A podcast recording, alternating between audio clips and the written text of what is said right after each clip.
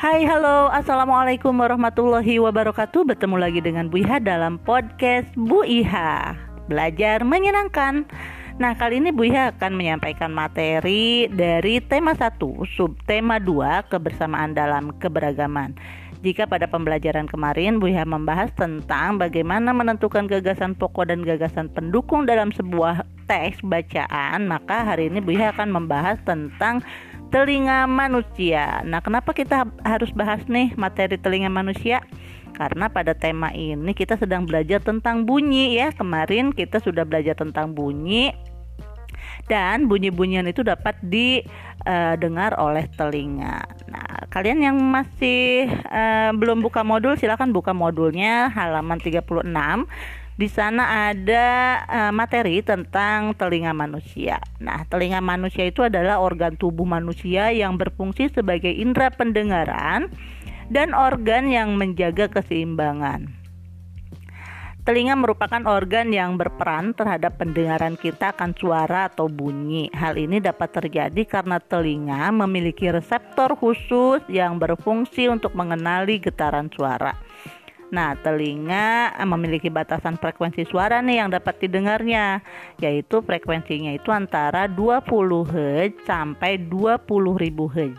Atau kalau dalam istilah e, gelombang bunyi uh, frekuensinya disebut frekuensi audiosonik. Nah, di depan nanti kita akan belajar ya tentang uh, apa apa yang dimaksud dengan gelombang bunyi audiosonik, infrasonik dan ultrasonik. Nah, kalau tidak dari sekarang kalian cari tahu nih apa itu gelombang bunyi uh, apa audiosonik, infra, infrasonik dan ultrasonik itu.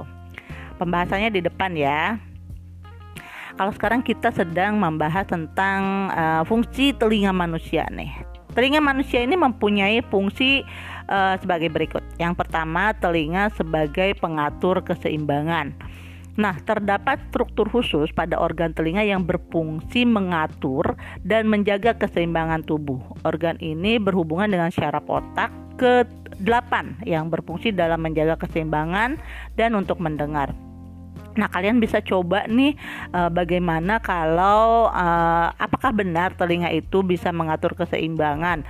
Nah, kalian bisa coba dengan menutup kal uh, telinga kalian nih sehingga tidak ada bunyi yang dapat didengar kemudian uh, kalian berjalan gitu ya, berjalan lurus ke depan. Bisa nggak nih jalan lurus ke depan?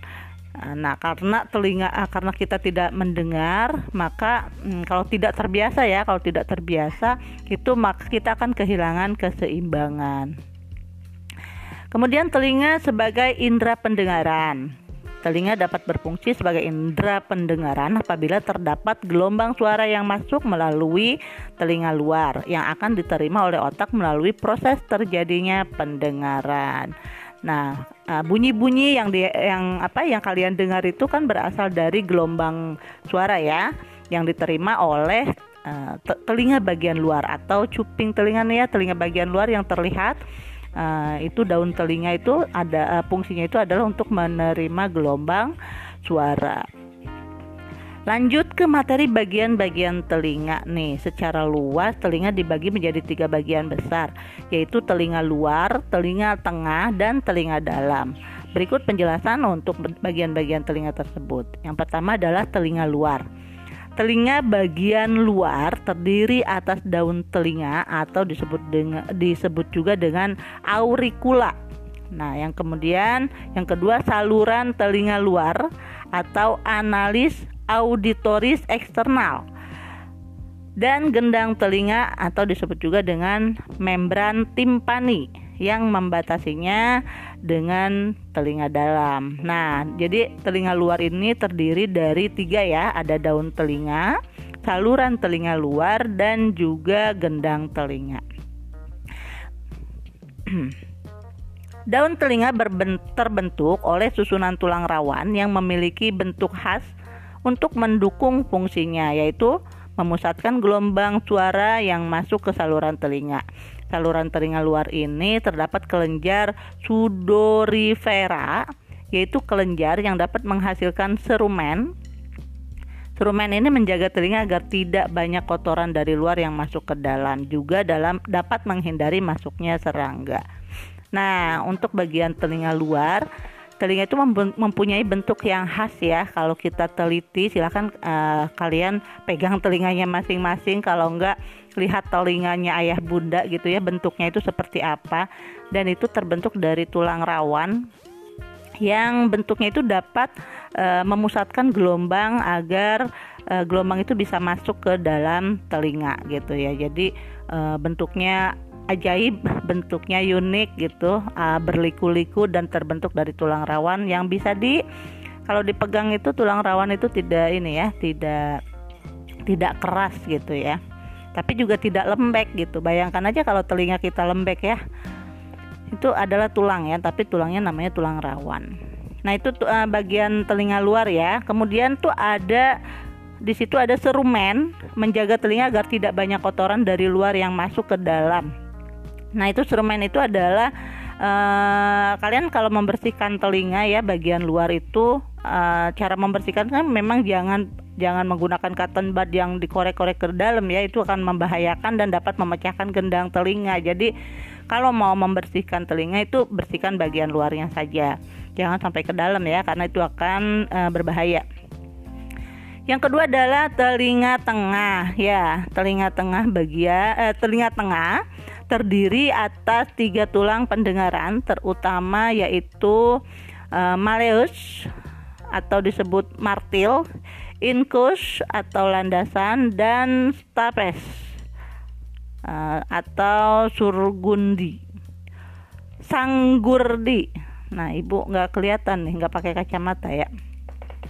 Tulang-tulang ini sangat berhubungan satu sama lain. Nah dihubungkan oleh sendi karena uh, adanya sendi maka tulang-tulang ini dapat bergerak. Nah, rangkaian tiga tulang yang sedemikian rupa sedemikian rupa itu berfungsi untuk mengirimkan getaran yang diterima dari membran timpani pada telinga luar menuju ke jendela oval telinga dalam.